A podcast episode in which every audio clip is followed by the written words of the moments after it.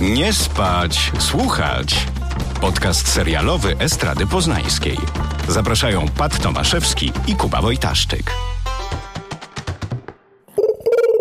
Gołębie za oknem, szarość, śnieg, mrozy, ślizgawki to prognoza pogody. Najlepiej siedzieć przed ekranem i oglądać seriale pod kocykiem, a w tym pomaga Kuba Wojtaszczyk. Łączymy się z nim prosto z domu.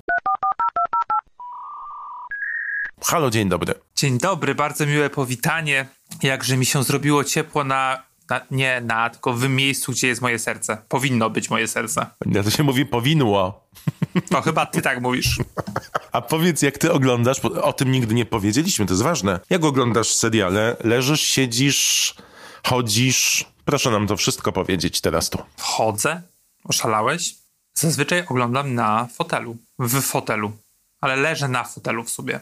Więc można tak powiedzieć. Bardzo często dostajemy screening, Screenery. screenery, dostajemy screeners. To również niestety na laptopie. W sensie niestety, niestety. Ale faktycznie to już chyba mówiłem przy okazji The Wheel of Time. Myślałem, że mój komputer wariuje lub dostaliśmy jakieś po prostu, wiesz, kamerką z kina nagrane. Ale nie. Pod kocem? No chyba, że jest ciepło. A, ja lubię pod kocem oglądać. Ostatnio lubię w pozycji rzymskiej, na ucztę rzymską. Czyli na szezlongu, którego nie mam, ale robię z łóżka szezlong. I jestem podparty jednym łokciem, a drugą ręką kręcę sobie loki, bo już mogę. Myślałem, że sobie y, karmisz siebie winogronem. Jejku, to by było najlepiej. Ale nie. I też e, bardzo lubię pod kocem jesienią. Nie jestem typowym jesieniarzem, ale chociaż nie, poczekaj, jestem, bo zawsze sobie robię wcześniej napad z imbiru i e, jagód goi. O, Holender. Typowy. Właśnie zrobiło mi się trochę niedobrze. Od jagód goi? Taki od naparu z imbiru. A ty nie lubisz? No. Ale lubisz informacje, plotki, ciekawostki ze świata serialowego. O tym teraz w Nie Spać Słuchać. Ja dzisiaj będę takim zapowiadaczem radiowym. Segway nieudany pad. Jeden si- siadaj. Poczekaj, to jeszcze, to jeszcze jeden. O, no to czas na newsy. No bardzo ładny. A czy ja, czy ja ci mówiłem, a to jest oczywiście kolejna 700 dygresja, jak promowaliśmy jeden projekt z Tuwimem w telewizji polskiej lata temu i byliśmy w śniadaniówce u Ani Popek i mieliśmy wejść o tym Tuwimie i Ania Popek zapowiedziała nas tak, a dziś wieczorem w telewizji film Pora umierać z Danutą Szaflarską, pora umierać, a teraz pora na tę rozmowę. No, Anna Popek jest po prostu... Nie, nie będziemy rozmawiać w tym podcaście o Ani, po, Ani Popek. Zaśmiej się, muszę mieć ten dźwięk, jak się śmiejesz. Ha, ha, ha. Mamy to. Kuba, jakiego masz pierwszego newsa? A, fajnego. Dzięki, to mamy to. E, Ridley Scott wchodzi do telewizji, pomimo, że ma 83 lata i w tym roku wypuścił dwa filmy. Tak, czy ty czytałeś, co zrobił Ridley Scott a propos krapy finansowej Ostatniego filmu? pojedynku? Tak. Zgo- Na kogo zwalił na to? milenialsów, no oczywiście. Milenialsów. Ja też uważam, że to ma rację. Nie można, nie można hejtować Ridleya Scotta. Ridley Scott jest wspaniały. Kręci, kręci dwa seriale ze swojego uniwersum, powiedzmy. Pierwszy to jest e, Obcy i Obcy będzie na efekcie i już tam mm, kręcą pilot i generalnie wszystko super. Ale co mnie bardziej interesuje, bo też e, bardziej lubię ten film, to Blade Runner. I jeszcze nie ma co prawda ani streamingu, ani stacji, która ten em, m, serial przyjmie, ale zakładam, że to nie będzie problemem. I już przygotowują się do pisania scenariusza. No i e, to jest bardzo ciekawe, ponieważ jak w ostatni em, spin-off e, Blade Runnera, Blade Runner 2049, to właściwie był, nie wiem czy to był sequel, który zrobił De- e, Denis Villeneuve kilka lat temu, ten od Duny. Cały czas oglądając ten film miałem wrażenie, że wolałbym zobaczyć ten świat, wiesz, bardziej, bardziej się w niego zagłębić. No i to daje serial. I jestem mega ciekawy, co e, Ridley Scott wymyśli. Oczywiście, jeżeli nie umrze do tego czasu.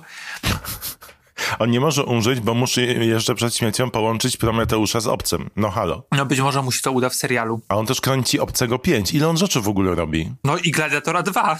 A serial o obcym będzie w którym momencie życia obcego na podstawie tych filmów? Kojarzysz? Nie wyjawiono tejże informacji. Jezu, żeby to był sitcom z takiego domu obcego, jak pełna chata. Jakoś ten obcy mnie tak. Ja bardzo lubię filmy, znaczy jedynkę i dwójkę. Tej trójki, tej trójki, em, to nie wiem, czy to był Fincher, to nie był Fincher. Fincher? Trójkę zaczynał Fincher, on zbudował w ogóle całą drewnianą planetę, ale studio, które było mu nieprzychylne, no nie dało mu możliwości żyć, więc on zrezygnował z tego projektu, ale było to pod jego nazwiskiem, ale ta wizja zupełnie nie była zgodna z tym. Tak. A wiem o tym, bo kupiłem kiedyś na Blu-rayu, albo dostałem ze statuetką chyba obcego, taki wielki zestaw, e, jakąś kolekcję ostateczną, to się chyba tak nazywało. I tam był film dokumentalny o tworzeniu tej trzeciej części. On trwał 4 godziny. Ja go obejrzałem. Więc teraz jestem specjalistą od Obcego 3. No, ale Fincher jakby cały czas e, w roli reżysera figuruje, pomimo, że się odcina. Tak, to prawda. Ale jest też tak, że ten serial ma bardzo duży taki backlash e, kulturowy, niekulturowy, taki um, fanowski. Że się nie, nie podoba się, że będzie serial? Nie, w sensie ten Obcy 3, że jest popularny w jakiejś tam niszy osób, które... Ale backlash jest z reguły negatywny. No to właśnie powiedziałem, że fanowski backlash, taki pozytywny. Pozytywny! No ty ewidentnie jesteś pisarzem, Kuba. No ale to tak może być. To nieważne. W każdym razie... Kręci Blade Runnera i kręci Obcego. Jego, chciałbym tyle robić, co on. To rób, Pat, wiesz? Dobra, to jutro na planie. Zapraszam wszystkich statystów o dziewiątej. No i nie musisz kręcić od razu filmu. Przyjdę o trzynastej. W każdym razie, no ja czekam na Blade Runnera. Ty zakładam, że na obcego, skoro masz figurkę. Nie jedną. Nawet mam jaja świecące w nocy. Obracam się w lewo na regał. Uwaga. Jeden duży obcy, jeden mały, jeden z fanko. Raz, dwa, trzy, cztery jaja świecące w nocy i te mm, stworki, które zamieniają się w obcych, te hagersy, cztery też świecące w nocy. Wspaniale. Obsessed a little bit. Wspaniale, wspaniale. Get away from her, you bitch! To był cytat z Obcego 2. Tak. To był cytat z Obcego 2. Również oglądałem ten film i dosyć stosunkowo niedawno. Uuu. Po raz pierwszy. Więc Rzeczywiście chowałeś się pod kamieniem. A propos newsów serialowych i kamieni. Kamieniem milowym będzie drugi sezon Euforii, który już 9 stycznia zadebiutuje w HBO. Pierwszy zwiastun pokazano 23 listopada. mam trochę tak. Obejrzałem ten trailer. Trailer. Może nauczmy się wymawiać poprawnie. Nie. I. I cały czas mam taki niesmak, który pozostał mi po tych dwóch specjalnych odcinkach yy, świątecznych. Odrzuć ten niesmak, proszę. No właśnie, nie wiem. I ten trailer to właściwie jest teaser. Trailer. Właściwie jest teaser, nie, nie trailer. Trailer. Trailer. I A zobaczyłeś ciąg dalszy? co ciąg dalszy? Bo po tym, jak ona śpiewa, są fragmenty drugiego sezonu. No tak, tak, Pat. To trwało półtorej minuty, więc zorientowałem się, że jak obejrzałem 30 sekund, to być może dalej coś to jest wiesz, więcej. No nie wiem, jak był zwiastun House of the Dragon, który miał 70 sekund, to mówiłeś o tym 20 minut. Ponieważ tam to było interesujące. A to, na co zwłaszcza to dalej jest young adult, pomimo, że ćpają na potęgę i tam nawet się broń pojawia. I ona mówi właśnie takie zdanie, że jak jesteś młody, to myślisz, że wszystko jest stałe, niezmienne. Im stajesz się starszy, zauważasz, że tak naprawdę nic taki nie jest. No super! Super, Ru! Do domu. To już mam dosyć tych... Oj, Kuba. Bo już mam dosyć tych, tych dla dzieciaków Może pohamuj entuzjazm. Uuu. cardio entuzjazm. Zobaczymy. Oczywiście będziemy o tym mówić. Będzie to pewnie serial popularny. Ja aż tak się nie, na to nie cieszę. Wolałbym zobaczyć Seks w Wielkim Mieście. Czekasz na, tą, na ten serial 9 grudnia? Nie, And just like that? nie, ale Porozmawiamy trochę o nim przy dzisiejszym temacie, tak mi się wydaje. Tak, trochę. Bo jest, jest, jest trochę powód. tak. A powiedz mi, co myślisz o euforii? E, tak naprawdę. Tak naprawdę, o nie, tak naprawdę w, w tym podcaście nie mówimy prawdy, Kuba. Nie? No nie, ale no wiesz, bo, bo wiadomo, że fajnie robić content, ten serial jest popularny, e, jest okej. Pamiętam, że jak mówiliśmy o nim na początku, to byliśmy zachwyceni, ale wydaje mi się, że ten entuzjazm nasz trochę mm, stopniał przez ten czas. Twój. Ja bardzo lubię tego twórcę podejście. Uważam, że długo było czekać na serial, który w świeży sposób opowiadałby o świecie współczesnym wśród nastolatków, którzy nie stronią od narkotyków i jakie konsekwencje to ma na ich życie. A poza tym robiłby to w sposób estetyczny, ciekawy, który zrównuje muzykę z obrazem, co rzadko się dzieje. Ja jestem pełen entuzjazmu, równie jak ty, ale ja tego pozytywnego. Ale w ogóle zobaczyć, jak to z końcówki robię. Pozytywnego. Robię tak. Nie ma mowy. Jestem za. I czekam bardzo. Lubię ten świat, lubię się w niego zagłębiać. Mnie te odcinki specjalne nauczyły tego, że fajnie zrobić dla fanów i fanek mały ukłon, czasem spowodowany dłuższym rozstaniem. Ojejku, poeta ze mnie to ja? Wisia Szymborska to ty. No okej. Ja mam trochę taki przesyt tej um, Zendai, no bo Duna ostatnio, pomimo, że nie była zbyt wiele czasu na ekranie, ale też Spider-Man i jeszcze niedawno był ten Malcolm i Marie, okropny film. Zresztą tego samego twórcy, jak on się Levinson, Barry, jak on się nazywa? Sam Levinson. Sam Levinson. Malcolm i Marie. A właśnie miałem go zobaczyć, a nie zobaczyłem. No zobacz, przecież kochasz ten świat i tego twórcę, jak no, to nie jest euforia. Nie mówię o euforii, o tytule. To jest, to jest Ru z euforii 10 lat później. Może nawet nie 10 lat, może takie 7. To jest jakby ta sama postać. I właśnie to... A to jest ten pandemiczny, czarno-biały film? Tak, tak, tak. O, y, on A, okej, już z mam. Davidem Washingtonem. Może I, za rok, za dwa. I to jest ciekawe właśnie pod tym względem, że jakby, że Zendaya, mam wrażenie, cały czas jest taka sama. W tych wszystkich filmach, które teraz wymieniłem, no i tym serialu Euforia. Że jakby nie wychodzi poza mm, wykreowaną w pewnym momencie jakąś taką personę, trochę takiej naburmuszonej dziewczyny. Co jest ciekawe w Euforii, ale niekoniecznie już w tych wszystkich innych e, filmach, o których powiedziałem. I to jest taki mój główny zarzut. I przez to ta, ten sezon drugiej Euforii u mnie jest na takim miejscu minus 14. Dla wszystkich, którzy lubią racjonalne argumenty, no słyszeliście, na jakiej podstawie Kuba ocenia drugi sezon Euforii. No ja nie oceniam sezonu Euforii, tylko oceniam mój entuzjazm w stosunku do drugiej odsłony A tego wiesz, że serialu. aktorka nie ma nic do tego, jak ustawiane w harmonogramach i grafikach są filmy, w których występuje. Ale aktorka ma wiele y, do tego, jak gra w tych wszystkich produkcjach, o których powiedziałem. To nie chodzi o to, że mam jakby przesyt jej jako osoby, tylko mam przesyt tego, jak ona gra. A gra zawsze tak samo. Masz, tak powiedziałeś, tak to wytniemy i tak to zmontujemy. Blame it on the To się edit. nazywa Polska. To to jest Zendaya, w, również 23 Euforia, nie listopada. Zendaya. Ach, to się nazywa... To, to jest Zendaya. This is Zendaya. 23 listopada również świat zobaczył zwiastun nowej wersji Bajeru z Bel Air. I tym razem na platformie streamingowej Peacock otrzymamy serial, który jest wersją dramatyzowaną, czyli nie komediową, historii chłopaka, który trafia do rodziny swojego wuja, no i odkrywa zupełnie nowy świat. Pierwszy teaser pokazuje chłopaka, który tonie i dochodzi aż do tronu, który spoczywa na dnie pewnego zbiornika i mamy nową, spowolnioną wersję słynnej piosenki Fresh Prince of Bel-Air. A z drugiej strony, to nie uważasz, że to było ciekawe tłumaczenie? Fresh Prince of Bel-Air? Przetłumaczone jako Bayer z Bel-Air? No, bo rasizm niedobry. Znaczy, tak mi się wydaje. Yy, Serial zadebiutuje w 2022 roku, ponoć w pierwszym kwartale na Peacocku. Super, fajnie, że nie mamy tej stacji. Ale ja wiem, z nieoficjalnych źródeł oczywiście, że jesteśmy coraz bliżej HBO Max. Puk, puk, to tam? O, już jest, coraz bliżej u progu. Ja już słyszę o tym. Jestem bardzo ciekawy, jak będzie wyglądać biblioteka HBO Max. Bo ona jest zabójcza, z tego co słyszałem w Ameryce. I są takie filmy po prostu, że aż mi się płakać chce. No to.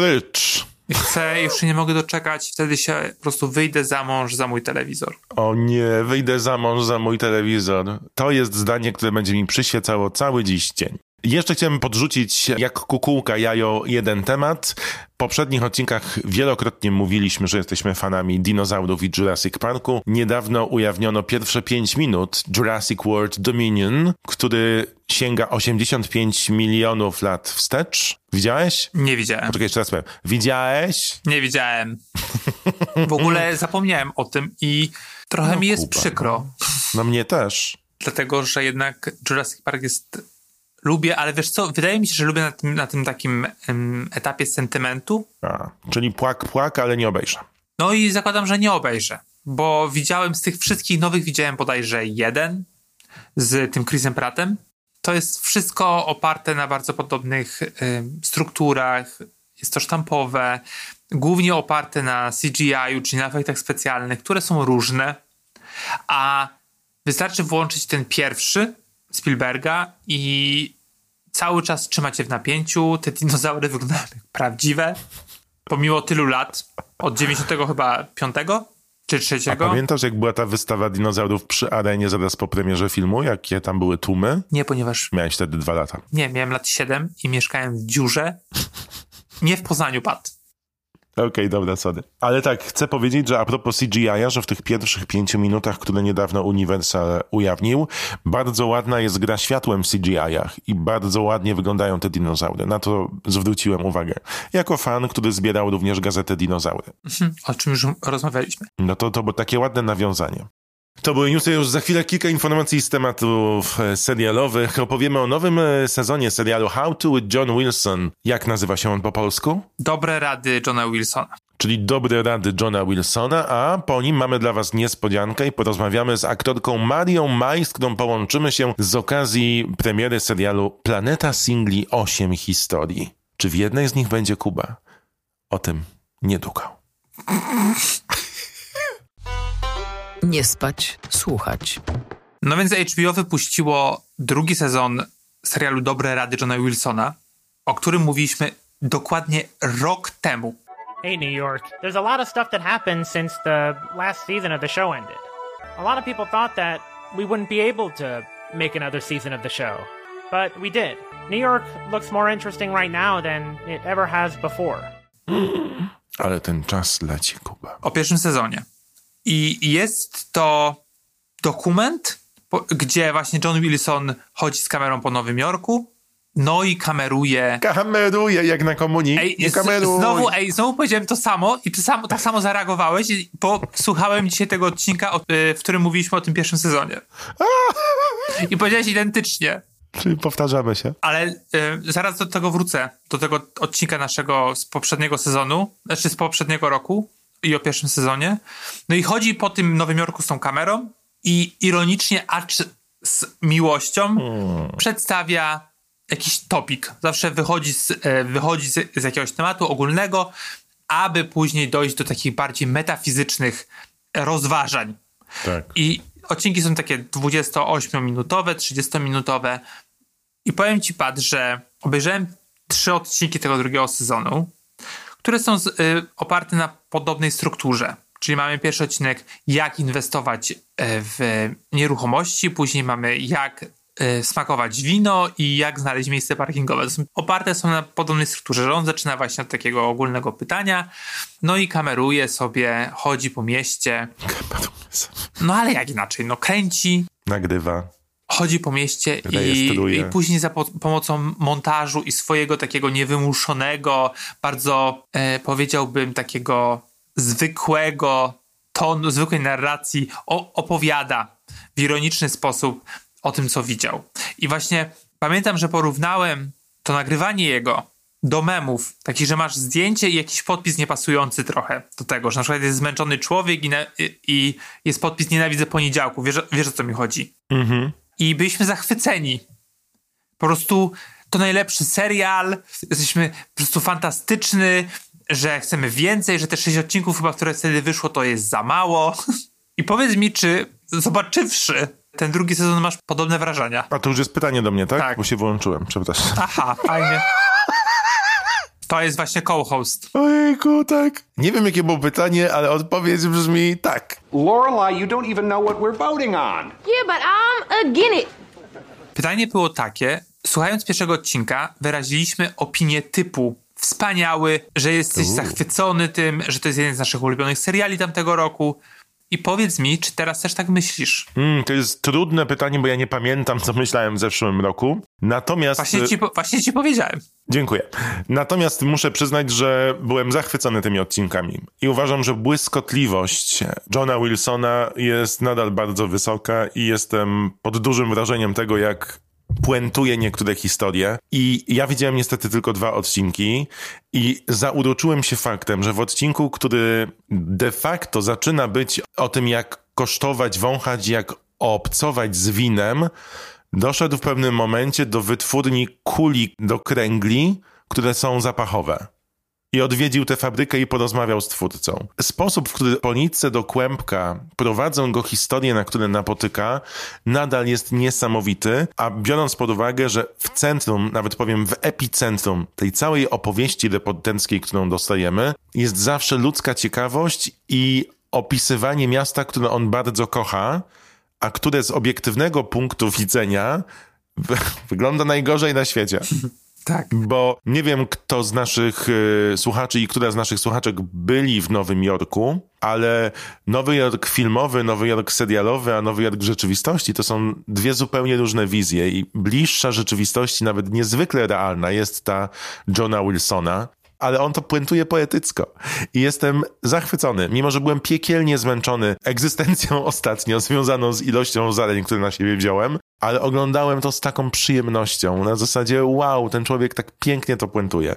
Więc myślę, że odpowiadając na twoje pytanie trochę za długo, tak nadal uważam, że jest to świetna rzecz. Chociaż mam ale. To zaraz do tego ale dojdziemy, bo ja mam dużo ale. Dużo ale? To tak nazywa się piwo też, palale. Czy może nie dużo ale, ale to, co powiedziałeś jest bardzo ciekawe o tym innej odsłonie miasta, które tak naprawdę jego wymysł znamy z, z innych seriali i z filmów. I jakby John Wilson pokazuje taką drugą stronę, takie wiesz, miasto trochę mm, na opak, jakby pod tą powierzchnią tego glamuru, który znamy właśnie z mediów, było takie prawdziwe, które gdzieś jest ukryte, jak wiesz, jak na przykład, jak Wakanda.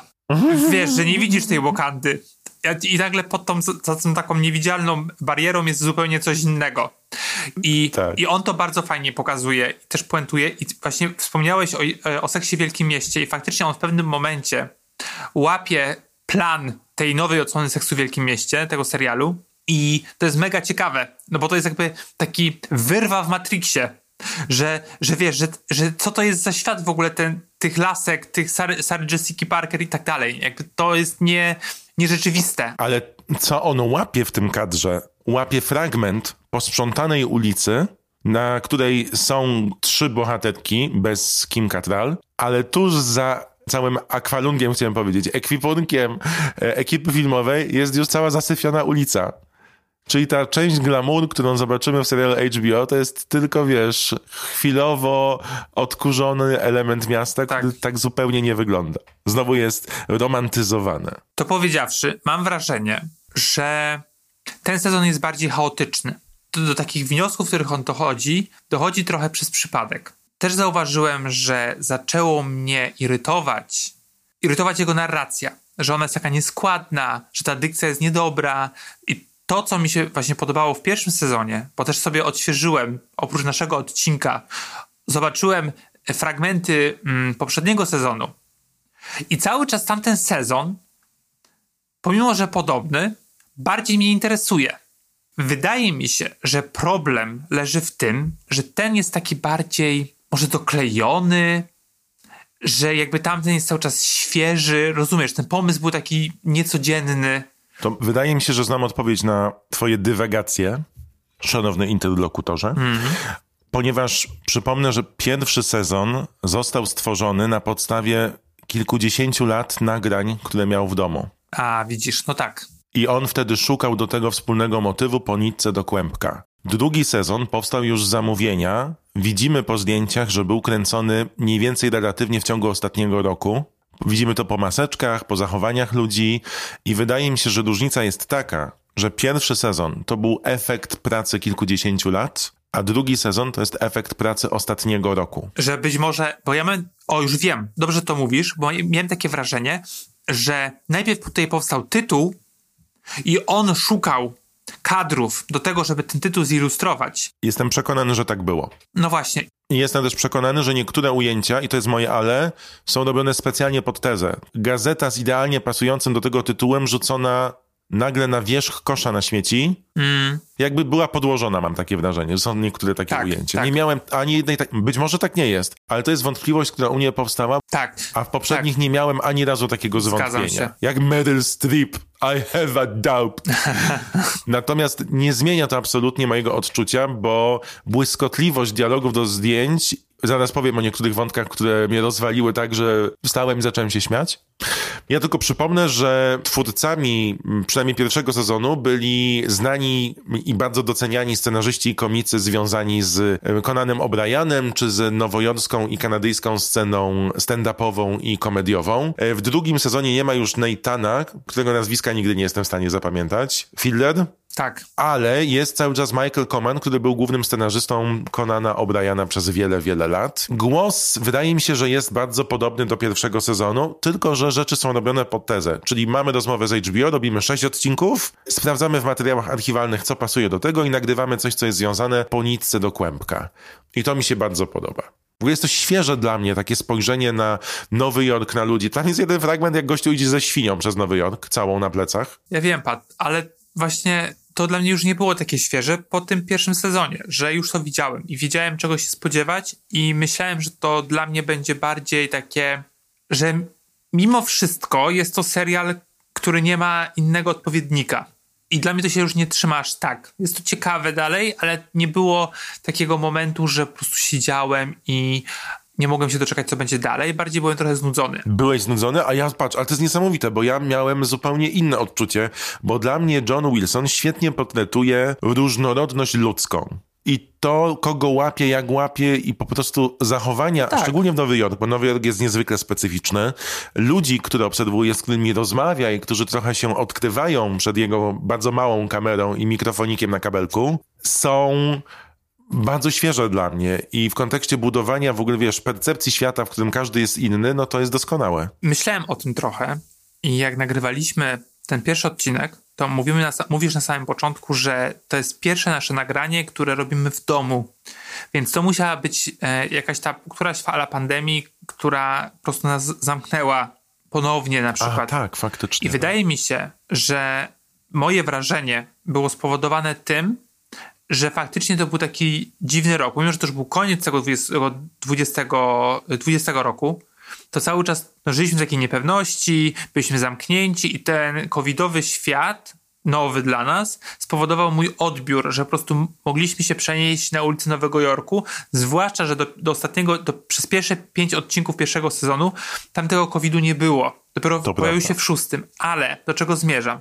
Do tego, że w tym, odci- w tym sezonie, co jest dla mnie z punktu, ciekawe z punktu widzenia właśnie takiego oglądacza, ale takiego, wiesz, krytycznego oglądacza, to to, że jakby poniekąd to jest pierwszy se- serial, taki, który ja oglądam, który dzieje się w świecie po-covidowym. To znaczy ten COVID cały czas jest, bo powiedziałeś o maseczkach, że niektórzy mają, niektórzy nie mają.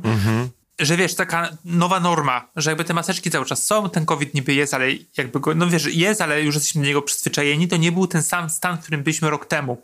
I to mnie ciekawi. To znaczy, że do tej pory, jak, jak, gadaliśmy o serialach covidowych, to ten COVID był obecny w sensie, że się zaczynał na przykład, co nam się nie podobało najczęściej, że, że jakby był taki komentarz do, do współczesności, albo na przykład y, ty mówiłeś o y, y, Grace Anatomii, że to się działo chyba po, tak? Jakoś tak. Nie, nie, że był w trakcie pandemii cały 17 sezon. Aha, no właśnie.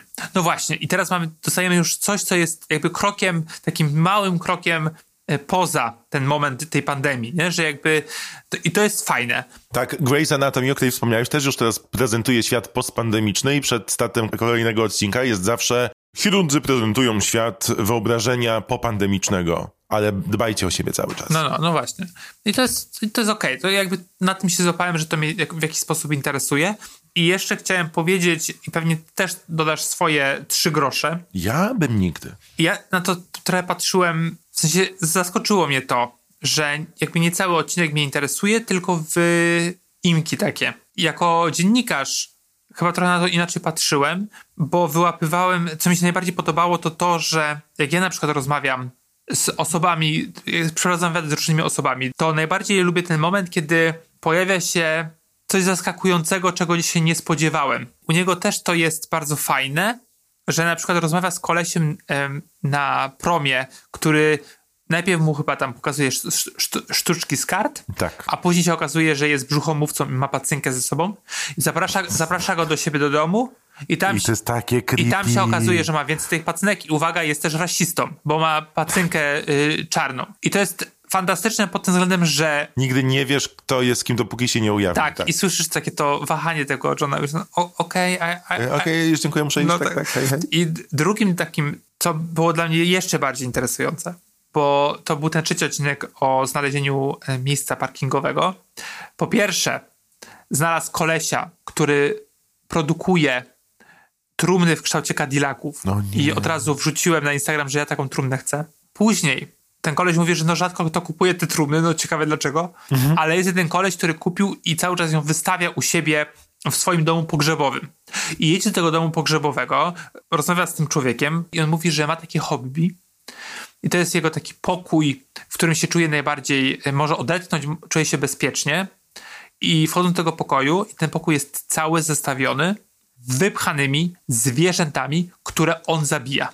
Ten koleś. I to jest dla niego najlepszy sposób, żeby odreagować. Myślałem, że spadnę z krzesła. I to jest fantastyczne, bo tematycznie ten koleś jest zry, zryty na maksa, ale te, terapia to za mało, ale chodzi o to, że wiesz, że nawet jest takie, nawet nie metafor, takie metaforyczne właściwie, otwarcie drzwi do innego pokoju i za, za tymi drzwiami kryje się po prostu cała historia tego człowieka. No zupełnie od czapy, czego się możesz nie spodziewać. I to, i to jest super. I to cały czas jest obecne w tym, em, w tym serialu, ale wolałbym chyba trochę, żeby tego było więcej. Że mniej było właśnie tych takich rzeczy, które, o których powiedziałeś, że tutaj po, położy gazetę i ty się myślisz, że kurde, to pewnie jest podłożone. Albo że pamiętam jest taki odcinek, że kameruje wiele butelek soków takich samych na półce i brakuje jednej tej butelki. No wiadomo, że on to wziął. Bo to jest, żeby po prostu był ładny kadr. I wolałbym, żeby tego nie było, a było więcej właśnie tego kolesia od Cadillaca, czy tego kolesia z pacynką, niż, e, niż takich właśnie dodatków, takich michałków, które ci ubarwiają cały odcinek. Ja nie mam takiej opcji jak ty, ponieważ mnie się podoba to, bo jeżeli to jest złożone w taki sposób, w jaki jest prezentowane, to wówczas te momenty bardzo się wyróżniają. Ja zwróciłem bardzo uwagę przy odcinku pierwszym, który mówi o nieruchomościach, o nabywaniu nieruchomości w Nowym Jorku, co też pokazuje bardzo ładnie i bardzo prawdziwie stan budynków i tego, jak wygląda życie w Nowym Jorku. Ja przypomnę, że to jest niezwykle mała przestrzeń, na której gromadzą się, gromadzą się miliony ludzi. I to bardzo widać w tym, jak prezentowany jest Nowy Jork w serialu Dobre Rady Johna Wilsona.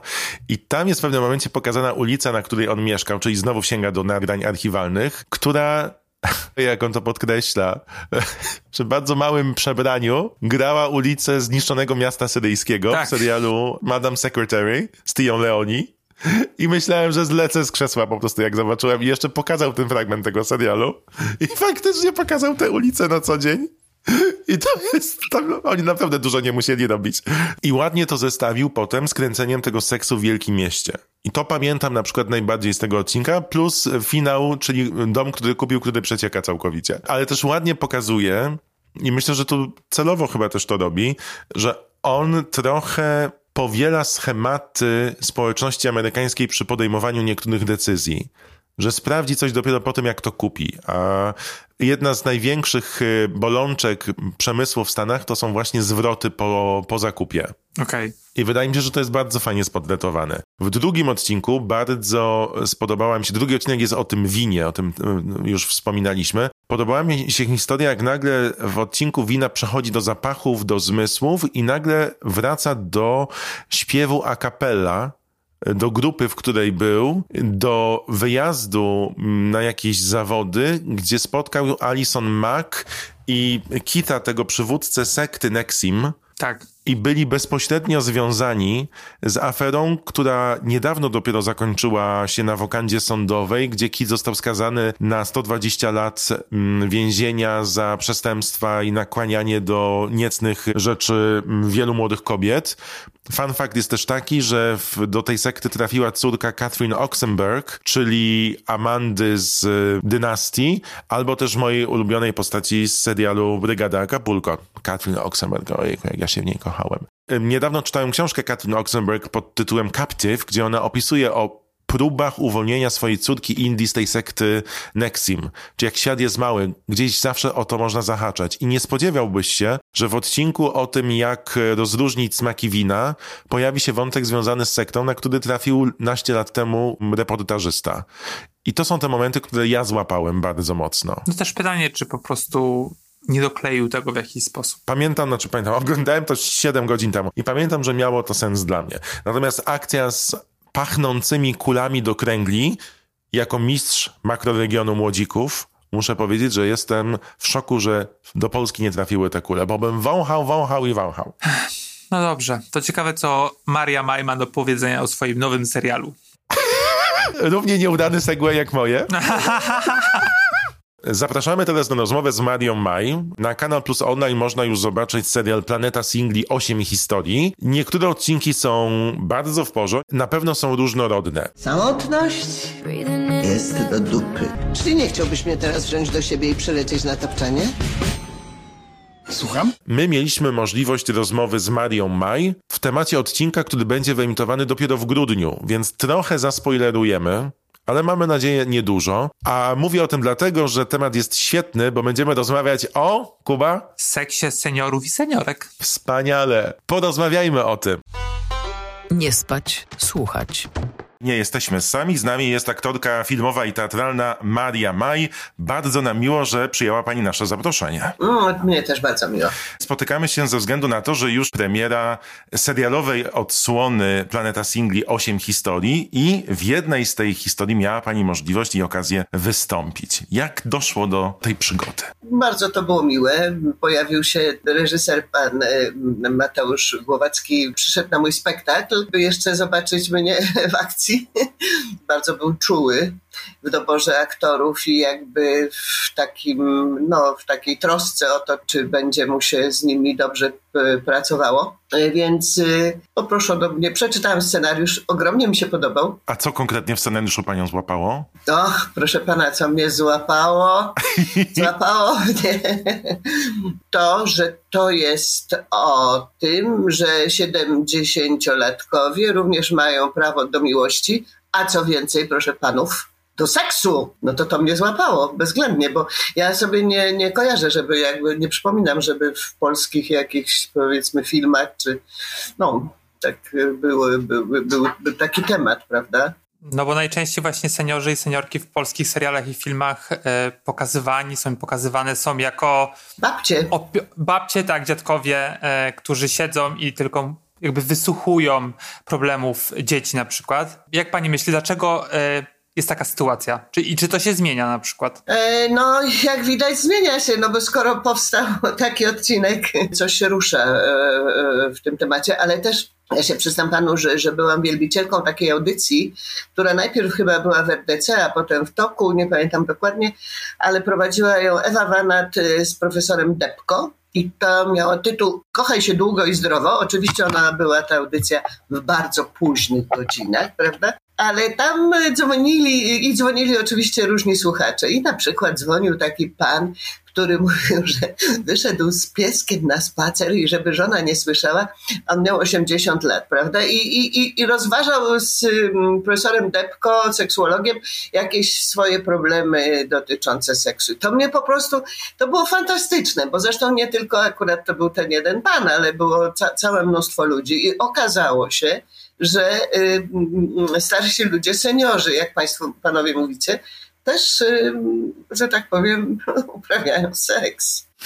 O dziwo, coś nowego w Polsce. I to jest super. I super jest to, że jest to bardzo znormalizowane i bardzo mi się podoba to, jak pani razem z Witoldem Dębickim podchodzą do tego tematu, bo można by pomyśleć, że to by się rozwijało, rozwijało, a tu pierwsza scena pani od razu jak z mostu wali konkretnie i No to jest to jest super. Wspaniała opcja. Ja mam dwa ulubione teksty z całego odcinka, które pani wypowiada. Jestem bardzo ciekaw, czy nam się to zgra. Bardzo mi się podoba, jak wypytuje pani, wy, mm, wyczuwa sytuację, po czym mówi, nie, nie, nie było tematu i wraca do herbaty, unikając wzroku. E, I bardzo mi się też podoba tekst, który rzuca pani przy kolacji z córką.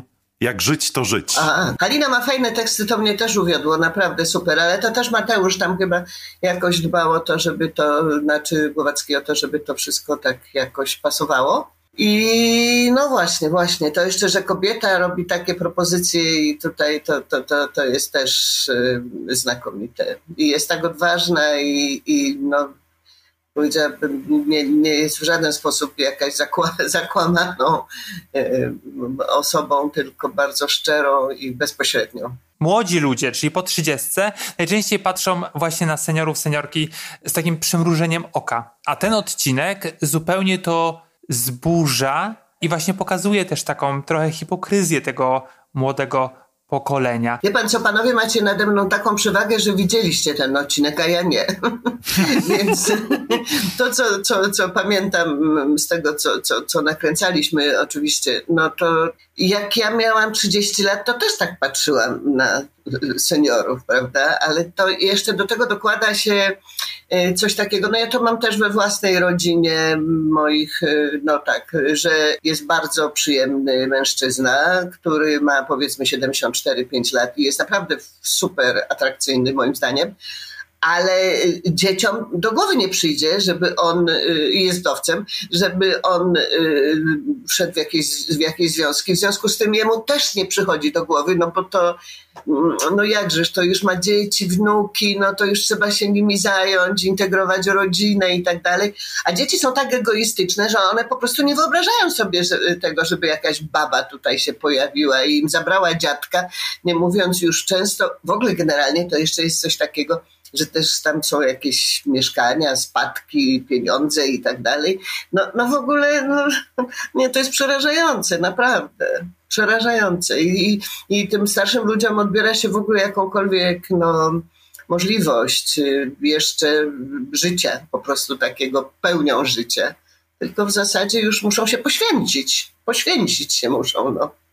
A tu okazuje się, że można zupełnie inaczej to sportretować i pokazać. Te odcinki to są takie małe filmy. Podejrzewam, że na planie też mnóstwo było działań związanych z tym, jak, jak to ładnie ubrać. Nie widziała pani odcinka, ale bardzo ciekawie jest ten świat przedstawiony. Nie wiem, czy to też było widać właśnie na planie, bo niby ta historia rozgrywa się współcześnie, ale cała scenografia i wszystko dookoła w kontekście czasoprzestrzeni jest takie nawiązujące bardziej w, retro klimaty. No więc nie wiem, czy to odczułam, ale odczułam jakby takie bardzo szlachetne budowanie formy, że to jest tak, że, no, że czuje się, że jest jakaś dbałość o to, żeby ten obraz był formalnie interesujący i, i żeby miał jakąś swoją taką no, właściwość. No, na przykład tak w kawiarni, prawda, to, to, to jest y, w kawiarni, zresztą to było w kawiarni czytelnik i na ścianie jako tło był taki duży obraz y, moneta. I to było fantastyczne. Tego typu dbałość jakby o, o to, żeby ta forma była interesująca, a nie byle jaka a nie taka, powiedzmy, no, taka zwyczajna, realistyczna, tylko żeby ona miała jakąś, no, swoją wartość dodatkową no to, to wydaje mi się, że to bardzo jest cenne. Zresztą w ogóle mm, ja mam wrażenie, tak nie wiem, rozmawiałam z Michałem Hacińskim, bo byłam zdumiona tym, że człowiek tak niezwykle, że tak powiem, tutaj mm, pracujący w kulturze wysokiej raptem zajął się mm, filmami komercyjnymi. I właśnie myślę, że to jest taka cudowna możliwość edukowania poprzez filmy komercyjne mm, i łączenie niskiego z, z wysokim i, i, i, po prostu mm, w ten sposób więcej rzeczy można przemycić. I to jest zawsze niesłychanie wartościowe. Więc jakby ta, to, to że, że takimi odcinkami, mm, znaczy, że, że filmami, które są z reguły komercyjne jakby, zajmują się reżyserzy, którzy lubią kino autorskie, to też jest niezwykła idea i ogromnie mi się to podoba. Zresztą mnie się w ogóle ta planeta singli podobała, szczególnie trzecia część. Uważam, że jest super. Znaczy mówię o filmach e, fabularnych całych. Bo to jest bardzo ciekawe, że no właśnie, może to powiedzmy, że pani bohaterka e, i pani serialowy partner spotykają się na aplikacji randkowej Oczywiście. w internecie. I to jest, to jest super, że gdzieś tam, znaczy jakby wiemy, czym jest ta planeta singli, ale jednak to takie podejście, no, że seniorzy nie za bardzo nie potrafią w internet, e, zostaje też zburzone i to jest świetne. I właśnie tak jak pani powiedziała, e, jest takie połączenie, takie zderzenie tych dwóch światów e, i ta sztuka bardzo często się pojawia, że nie tylko ten monet, ale ale też malczeski. Jest to świetnie wykorzystane. Naprawdę? Tak. O, psiakość. A tak, to chyba w mieszkaniu u niej. Hełmoński tam nawet wisi przecież, tak. Jest tak świetnie kadrowane, że jest to komentarz do aktu seksualnego. Aha, a tak, tak, e, te tak, obrazy. Tak, tak, tak. I to jest wspaniałe. Bardzo się uśmiałem i e, no, jest takie, takie fajne puszczenie oczka do, do widowni. A, jeszcze jest El Greco, teraz sobie tak. przypominam, bo przecież Mateusz Głowacki zrobił film o, o tym El Greco odnalezionym w Polsce. On mm -hmm. zrobił film dokumentalny chyba. No to jest super, super. To jest świetna zabawa dla smakoszy, jeżeli mają ochotę, jeżeli potrafią, to właśnie jak panowie wychwycić te smaczki. Smaczki, tak, które są tak, poukrywane, Tak. No to kurczę, prawda. a jestem teraz zła, że tego nie widziałam i jak najszybciej. Zobaczyć jak najszybciej. A proszę powiedzieć, kiedy państwo grali to? Dawno temu? Tak mi się to wszystko zlewa, że nie pamiętam, ale jakoś to w lecie musiało być. W sierpniu? Okej, czyli to jeszcze jest dobrze, bo chciałem podpytać, e, dlatego nie wiem, jaki był przeskok czasowy. Czy pamięta pani, ma pani jakąś swoją ulubioną scenę, albo scenę, którą najbardziej będzie pani pamiętała z tego projektu? A. Bo jest kilka, które ogląda się wspaniale. Jestem ciekaw, czy to się przełożyło właśnie na, na drugą stronę. Fajna ba, bardzo z, z Maciejem Damięckim scena, bardzo mi się to podoba.